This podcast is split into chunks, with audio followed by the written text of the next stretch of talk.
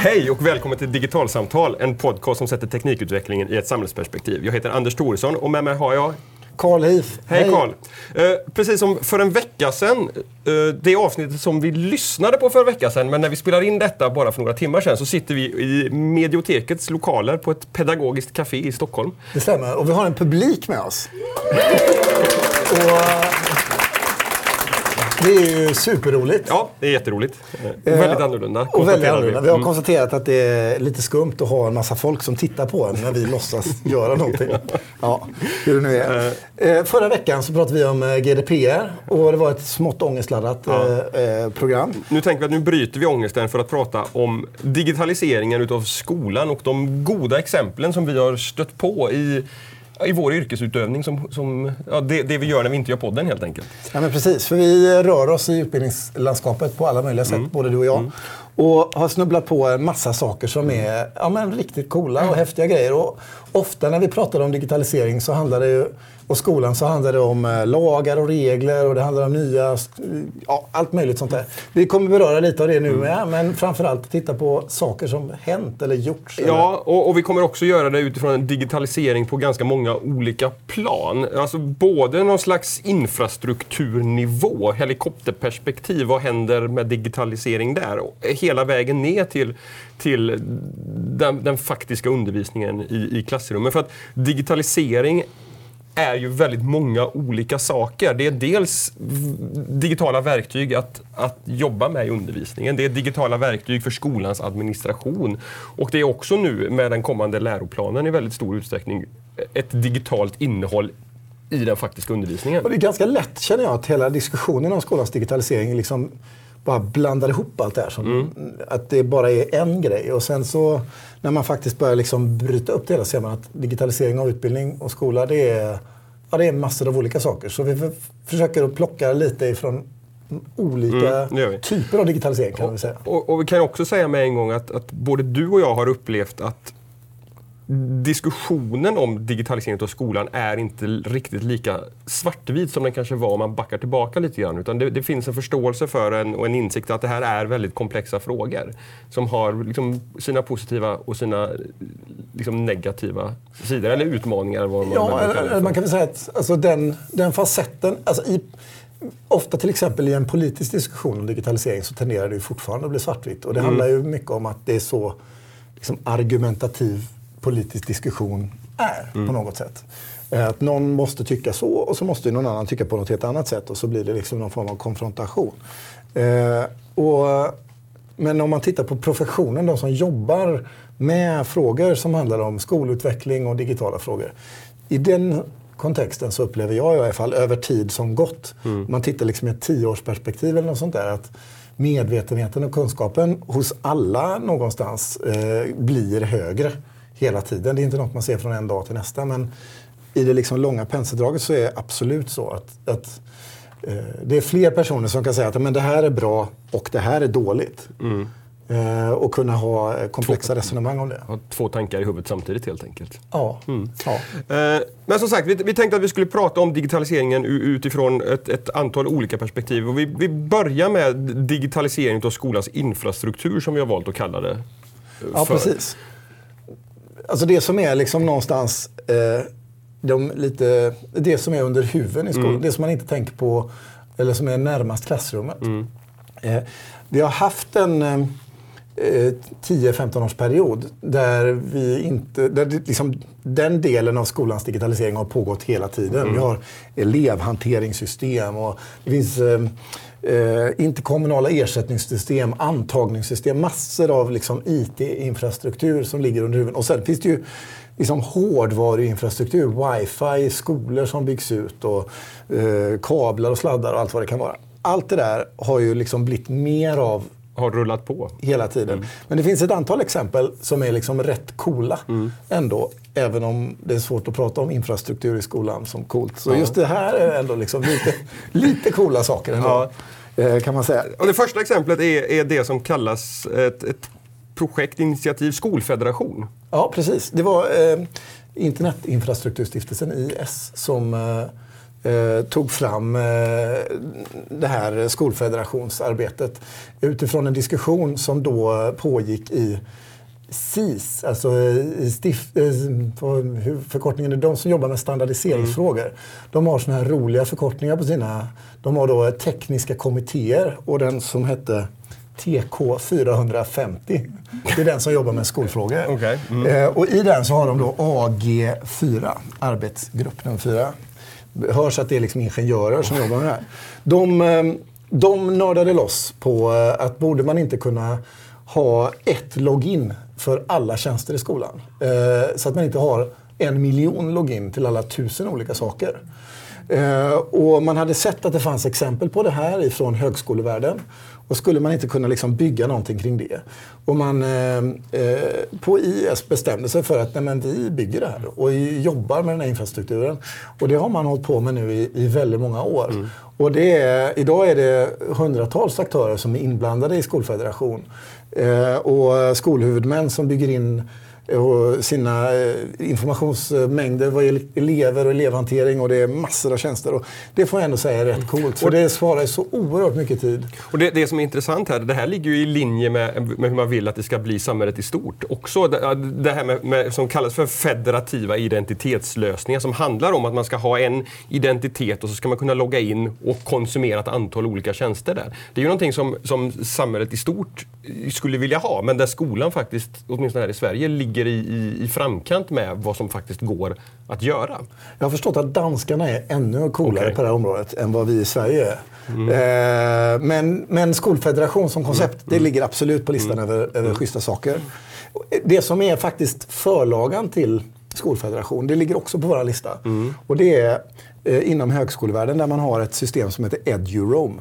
Som innebär att när man blir student och man får sitt login för wifi på sin högskola så kan man logga in på alla högskolor i hela landet och mm. på många ställen i, många i hela EU. Också. Och på offentliga mm. platser, tågstationer, flygplatser och sånt där. Och för mig som då jobbar inom den sfären, jag har tillgång till EduRoam. Det är helt magiskt. Är det. För man bara säger wow, jag har jättesnabb internet. Och så står jag i ett gathörn någonstans och så bara, vad är detta någonstans? Jaha, det finns en högskola som har en byggnad här och som är uppkopplad. Det är verkligen en lite magisk eh, känsla. På, och det är också en typ av sån infrastruktur som bara funkar på något sätt. Mm. Och den är ju på plats. Sen, sen, eh, skrev du också upp på listan här eh, den pågående digitaliseringen av de nationella proven. Vad, vad, handlar det om och varför är det bra? men där har man bestämt att vi ska ha digitala nationella prov och Skolverket har börjat en process att bygga en sån tjänst. Mm. Eh, och jag har satt upp den på listan, inte för att det redan har hänt, för det har det inte. Nej. De har precis liksom börjat jobba med det. Men jag satte upp det för att det liksom är lite av en dröm. Eh, på något sätt. Eh, som jag verkligen hoppas blir alldeles dunderbra. Eh, för om den inte blir det, då kommer hela utbildningssektorn ha världens ångest. Mm. Och, så den måste bli bra eftersom den är på vår bra-lista. Mm. Eh, sen har vi också, när vi försnackar här, landat i att det finns några specifika eh, aktörer som vi vill nämna och lyfta fram. Och du, då har du skrivit upp Allingsås på listan. Ja, det har jag. Lilla mm. Allingsås. Mm. Eh, nej, men alltså de har valt att göra någonting som de kallar för Arena för lärande. De har gjort, de gör många roliga saker i Allingsås, men en sak de gör där, det är att de har byggt ett öppen mjukvarubaserad lärportal för hela eh, skolan i Allingsås. Från förskola till hela vägen så har de ett slags paraply som hanterar alla tusen olika små tjänster som de har. Eh, och som jag förstår det funkar förvånansvärt bra. Det, mm. Och det är dessutom byggt med öppen mjukvara. Vilket gör att andra skolhuvudmän skulle kunna knacka på oss Alingsås och säga hej, ni har gjort en cool grej. Kan inte vi också använda det? Och eftersom det är delbart och öppet så ska andra kunna göra det. Mm. Och det där, liksom hela den attityden att liksom värna skattemedel på det sättet. Mm. Vi är ändå supermånga små skolhuvudmän i Sverige som gör saker och ting. Och det känns lite märkligt liksom att varje enskild skolhuvudman ska pröjsa en himla massa pengar för att köpa en tjänst och så köper de samma tjänst och de. Hade man liksom köpt en stor tjänst så hade det blivit betydligt mycket billigare. Och öppen mjukvara är ju en möjlighet för utbildningssektorn att kunna jobba tillsammans med ganska komplexa saker. Det är ju egentligen en, en, möjlighet för offentlig sektor överhuvudtaget. Det finns, ju, det finns, ju, många initiativ som vill driva på att, att de, de, de, pengar, offentliga medel som investeras i mjukvara och tjänster, att, att de ska öppnas upp och komma fler till, till nytta så att vi inte, många organisationer sitter och investerar pengar i, i samma typ av mjukvara. Ja. Utan bättre att, att kanalisera det till, till gemensamma satsningar. Absolut, och sen är det också sådär, liksom, i utbildningssektorn så finns det ju många liksom små oligopol. Det finns liksom bara så många leverantörer av en viss liksom smal och nördig produkt i skolan. Och då när man upphandlar den, ja, då kan man bara upphandla liksom två olika saker eller tre och då blir det liksom inga riktiga upphandlingar om man säger mm. så. För det är liksom, marknaden är helt cementerad på något sätt. Mm. Och i det typen av sammanhang så finns det ju alla möjligheter att skapa både liksom mer innovation och bättre tjänster. Eh, men också kunna jobba tillsammans och få bättre mm. ekonomier i saker och ting. Så mm. jag satte Alingsås på listan för att de faktiskt inte bara snackar om att göra sådana saker utan de faktiskt mm. gör det. Mm. Och eh, det ska de ha all eh, mm. cred för. Den, den, sista punkten är, är det som vi har kallat för nya arenor för möten för kollegialt lärande. Och det, det är ju bland annat, eh, Facebook har ju blivit en helt fantastisk resurs för väldigt många i de Facebookgrupper som finns nu. Eh, alltså det är ju inte så länge sedan Facebook bara var en mötesplats där man hade kontakt med släkt och vänner. Eh, och personer som man faktiskt hade en direkt relation till. Men med de här grupperna som har kommit så går det att hitta grupper om, om vad som helst. Jag har jättestor nytta av det här i mitt arbete som frilansjournalist. Att, att kunna hänga med i diskussioner, bland annat i vad som händer i skolfrågor. Därför att det finns ett par Facebookgrupper för, för där digitaliseringen av skolan diskuteras ur ganska många olika perspektiv. Som, som är, ger en möjlighet att inte bara mötas, vi som är kollegor på samma skola, utan faktiskt få ett, ett kollegialt utbyte med ja, över hela landet eh, på ett sätt som inte skulle varit möjligt tidigare. Nej, och också att man kan hitta likar i ganska smala områden. Mm. För, alltså, ta, alltså, inom skolan, så det, är du slöjdlärare på en liten skola så är du rätt själv som om du jobbar med liksom, liksom det, eller om du är skolsjuksköterska eller liksom, vad det nu är. Och att kunna liksom hitta sitt kollegium som är förlängt i den typen av platser, det är ju det är, det är verkligen häftigt. Och det är ju hur mycket lättare idag som helst än vad det var för tio år sedan. Mm.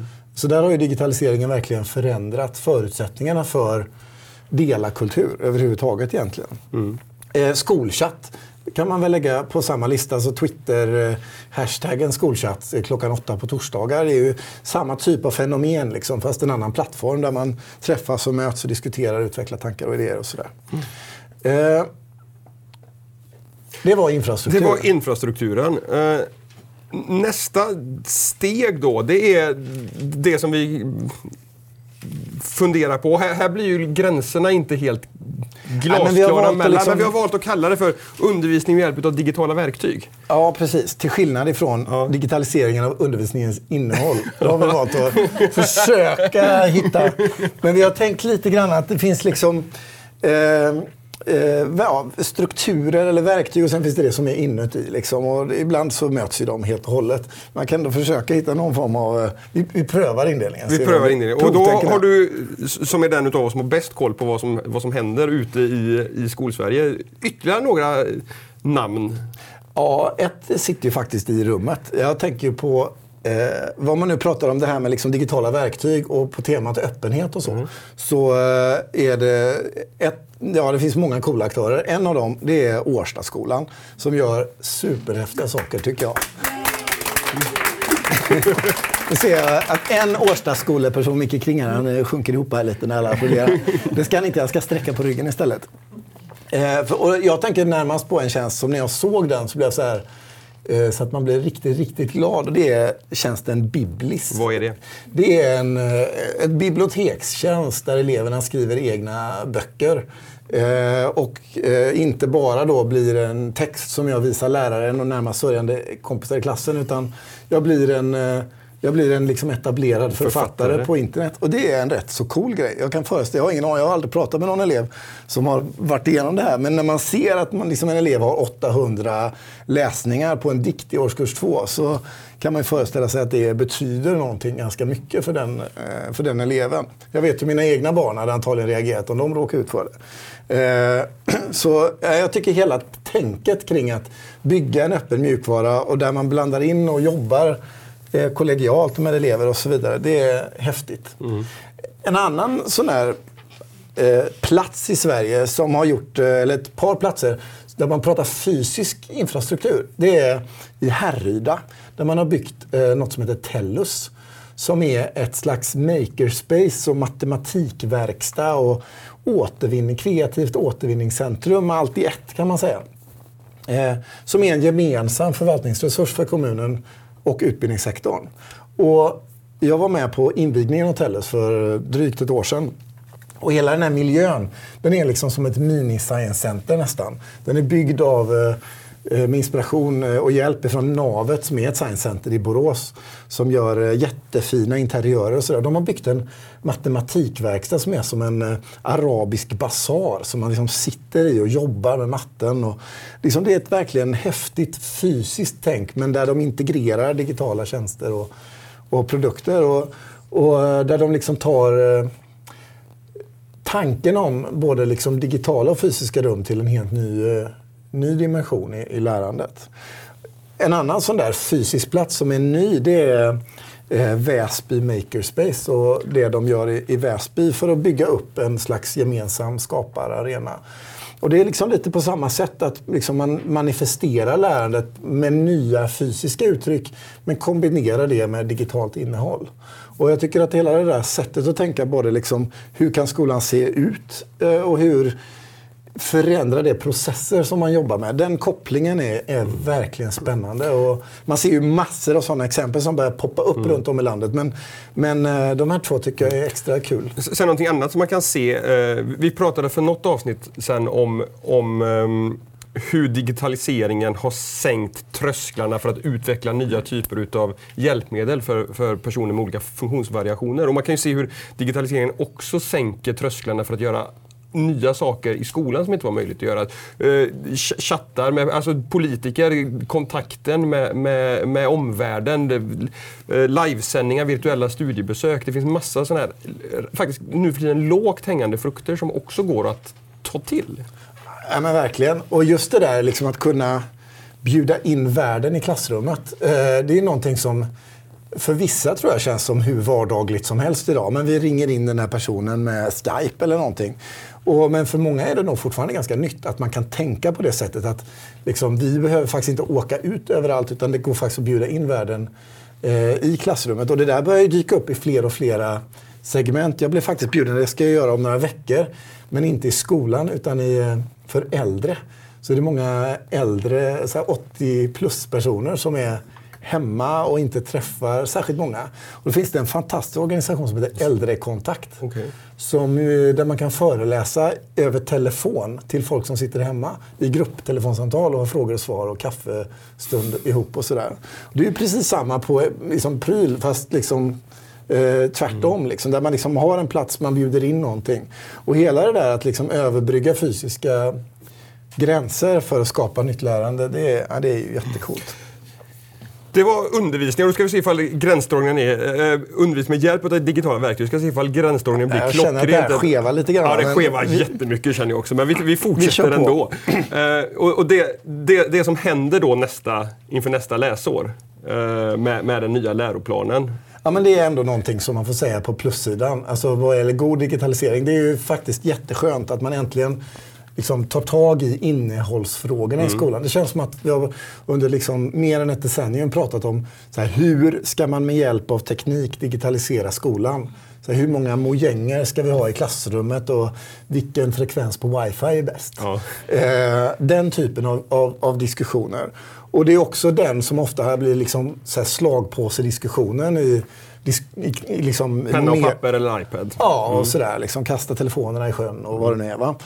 Eh, alla de typerna av samtal liksom handlar om det. Men helt nu sen vi får de här eh, kurs och läroplansändringarna eh, som träder i kraft hösten 2018 så pratar vi om vad skolan faktiskt undervisar om. Mm. Att det liksom inte handlar om formerna för skolan utan om skolans innehåll. Och det, det som jag blir glad över när jag läser den. Alltså, vi startade ju den här podden med utgångspunkten att, att digitaliseringen påverkar samhället och att det finns en demokratiaspekt som är ganska påtaglig i den digitaliseringen som vi lever mitt i nu. Och att det kommer synas i väldigt stor utsträckning i den nya läroplanen. Därför att det, på förhand var det ju väldigt mycket prat om programmering in i skolan, programmering som eget ämne, programmering som en del i matten och tekniken. Och, och programmeringen blir ju en stor del utav det.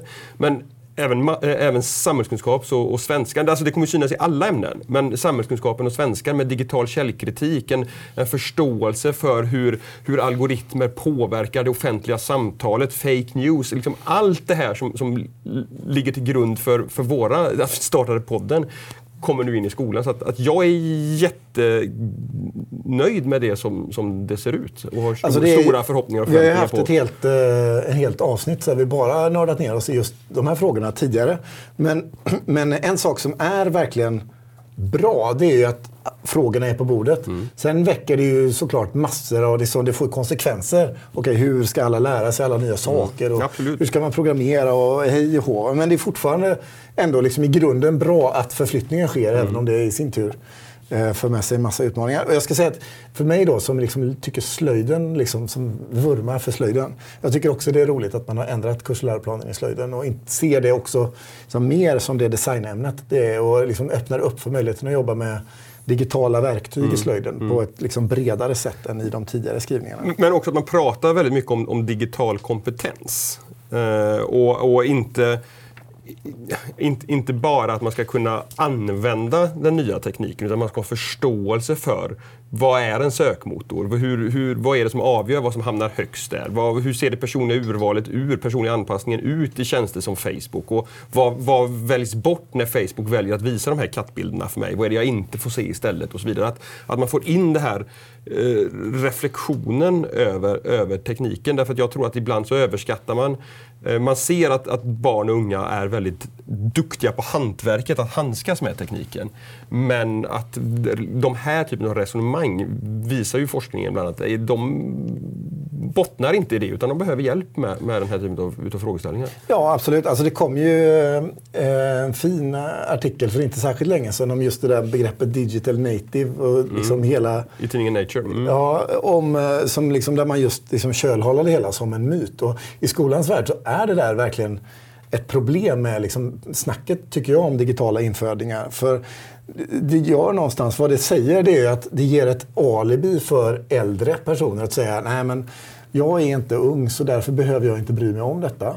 Eh, och för den nyexade läraren så ger det ju bara massa ångest för att de liksom ska helt plötsligt man ska tro att, omvärlden tror att bara för att de är unga så ska de kunna en himla massa saker som de faktiskt inte nödvändigtvis kan, för de har faktiskt inte lärt sig det.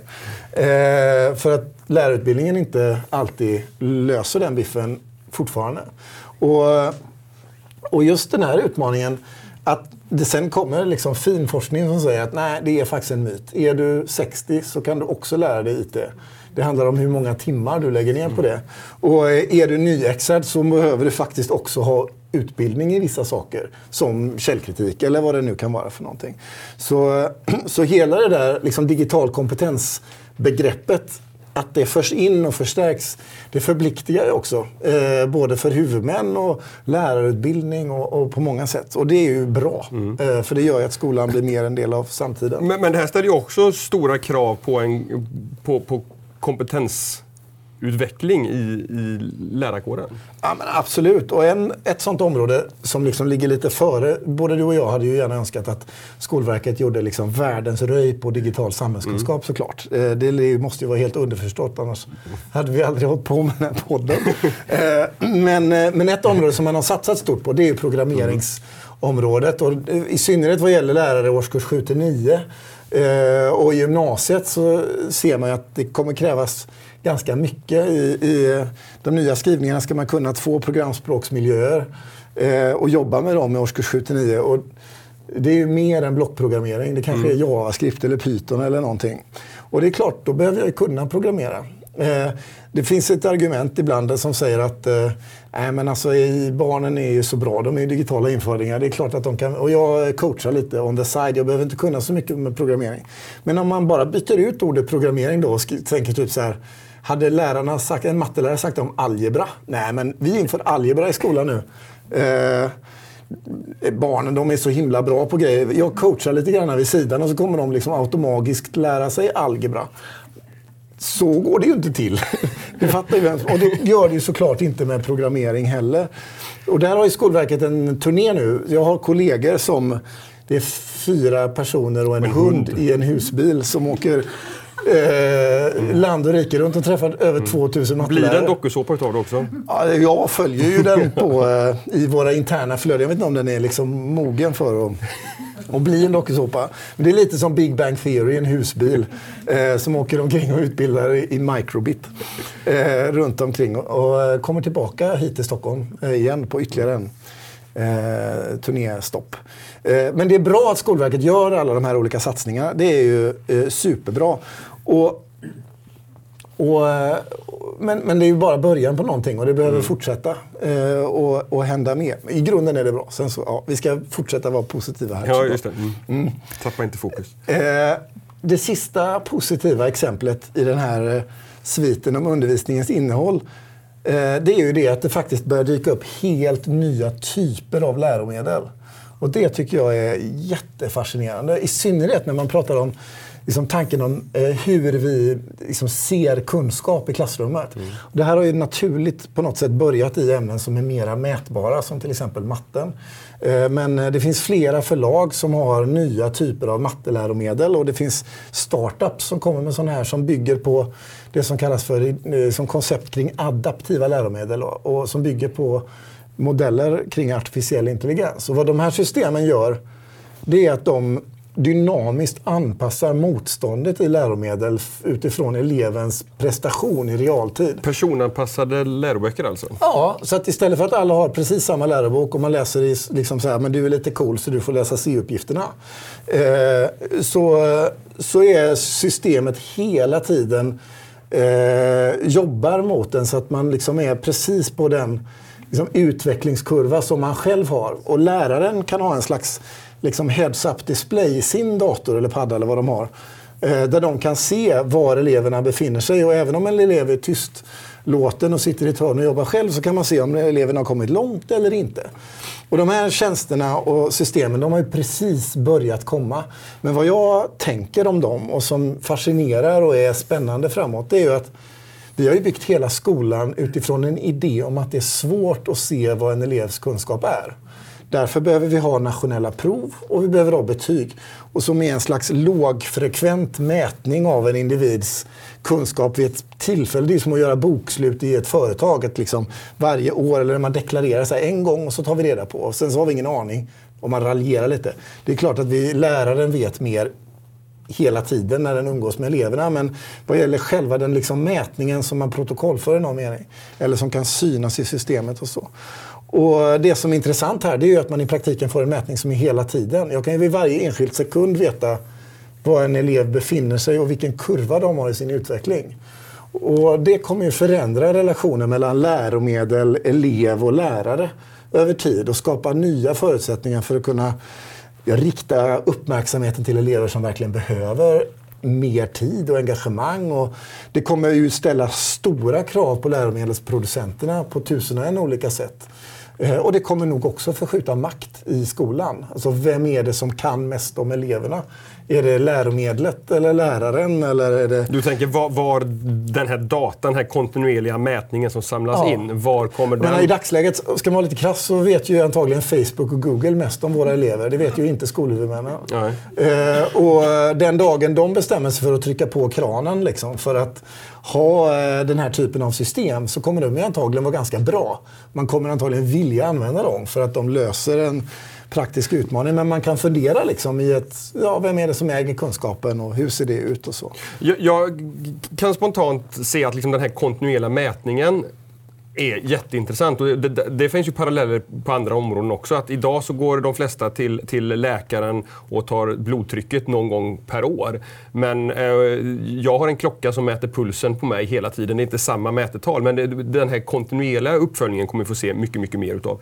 Och den, den tycker inte jag känns kontroversiell eller konstig alls. Men när det gäller till det här, liksom, den personanpassningen utav det och här förstår jag att här finns ju också liksom det här att vi vet vad vi har men vi vet inte vad vi får. En, en, en, en sån typ av bias. Men, men, alltså, men, alltså, man... jag har börjat själv använda några sådana här personanpassade tjänster. En sån, det, är, det kan vem som helst pröva. Det finns eh, i Facebook Messenger så kan man bli kompis med en liten robot som heter Wobot. W-O-E-B-O-T. Wobot. Okay. Och det är en eh, KBT-terapeut som är en bot. Mm. Eh, det som känns jättebra. På, ja, mm. och, eh, det är en Harvard-produkt och mm. den har eh, fin data bakom sig.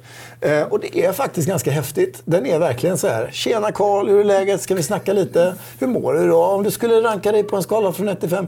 Är du, jaha, kan du beskriva hur du mår? Ja, jag är lite deppig. Jaha, är du deppig? Varför är du det? Och så har man lite, varje dag så kan man liksom snickersnacka där lite. Jättetrevlig tjänst. Och, så jag måste jag tycker ju om den här personanpassningen. Även om jag vet att det är en robot som jag pratar med. Det är samma med mina. För vi har ju så här röststyrt eh, hem, hem mm. eh, som mina barn eh, pratar i. Eh, och jag. Eh, och alla andra som är hemma. Och man blir ju lite kompis med de här systemen.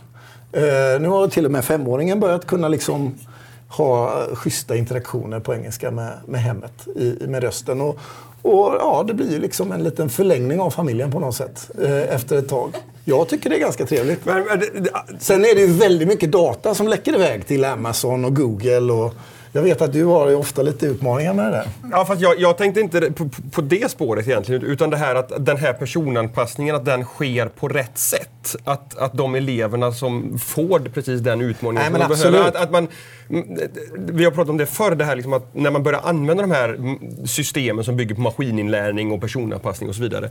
Att man inte bara tar för givet att de företag som har utvecklat de här tjänsterna faktiskt vet vad de gör. Utan man behöver ifrågasätta ganska ordentligt för att kunna bli övertygad om att det här fungerar på det sättet. Nej, men de... det ställer ju jättehöga krav på läromedelstillverkaren. Alltså ett litet, eh, ett litet eller stort företag som kommer med en ny sån här tjänst. Mm. Som skolhuvudman så, så behöver man ju ha tungan rätt i mun när man köper de här och veta hur ser de ut och vilken data ligger till grund för det och hur ser evidensen ut. Alltså, det är en lite annorlunda sak än att dra ner på läromedelscentralen och köpa Mm. Eh, en mattebok och som man flipprar igenom och så fasen det där ser ju ganska bra ut. Liksom. Det är ju en annan typ av tjänst man köper som är mer komplex och som mm. kräver mycket mer av när man köper den. Och det kommer ju också förskjuta makt. Alltså, det, om man, nu skulle vi vara positiva. Det ja, det, inte det, man kan inte vara hela... Nej procent. Men det förskjuter ju makt. Lärare är vana att kunna köpa sina egna läromedel. Mm. Men vi befinner oss i en situation där makt, alltså när det blir system, då förskjuts ju makten från klassrummet till centrala aktörer som köper in och upphandlar för alla. Och det gör ju att det inte med självklarhet blir så anpassat som man faktiskt hade önskat att det skulle vara. Nej, för, för, för, jag ser en annan parallell här och det är ju att, att, Facebook är ju svåra att utmana idag. Det är inte jättelätt att starta en konkurrent till Facebook. Och det handlar ju, en av anledningarna till det är ju att ja, jag har alla mina andra vänner på Facebook. Om jag går till ett nytt, det finns en utmanare som heter Diaspora som har försökt traggla på i många, många år. Jag är med där också men jag vet inte när jag loggar in på Diaspora. Eller senast. Google Plus. Eller Google Plus. Ja. Men, men det är ju den ena aspekten utav det. Men andra aspekten är ju att, att Facebook vet ju så otroligt mycket mycket data, har ju så otroligt mycket data om oss. De kan ju personanpassa tjänsten. Så att tjänsten i sig kommer vara mycket bättre än vad en konkurrent kan göra som inte har samma datamängd. Och, Absolut, och det blir ju antagligen samma ja, i skolan. Ja, precis. Att, att, du kommer få de, de, de läromedelsförlagen som är tidiga på det här och skriver användaravtal som låter dem jobba med data på det här sättet kommer sätta en väldigt liksom, snöboll, kan, kan sätta igång en väldigt tydlig snöbollseffekt som gör att, ja men kolla här, vi kan göra så här bra läromedel. Och ja, men det är klart, då väljer jag som... Ja, och det blir ju en maktförskjutning och en maktkoncentration. Det finns en mm. risk för en maktförskjutning och maktkoncentration. Och, och, det behöver man nog vara väldigt, väldigt uppmärksam på. Vem behöver vara uppmärksam på det? Tänker jag du? tror alltså framförallt så behöver vi... Alltså, någonstans så, de här systemen kommer ju vara antagligen så pass intrikata att de kommer ju på olika sätt med hjälp av god design och så vidare kunna bidra till att styra värderingar och annat. Det vet vi till exempel, ta Facebook som ett exempel. Jag kan ju inte liksom, eh, ha en jättebra diskussion om eh, amningshjälp på Facebook. För det går inte att dela sådana bilder eftersom Facebooks värderingar inte korrelerar med svensk offentlighetsprincip.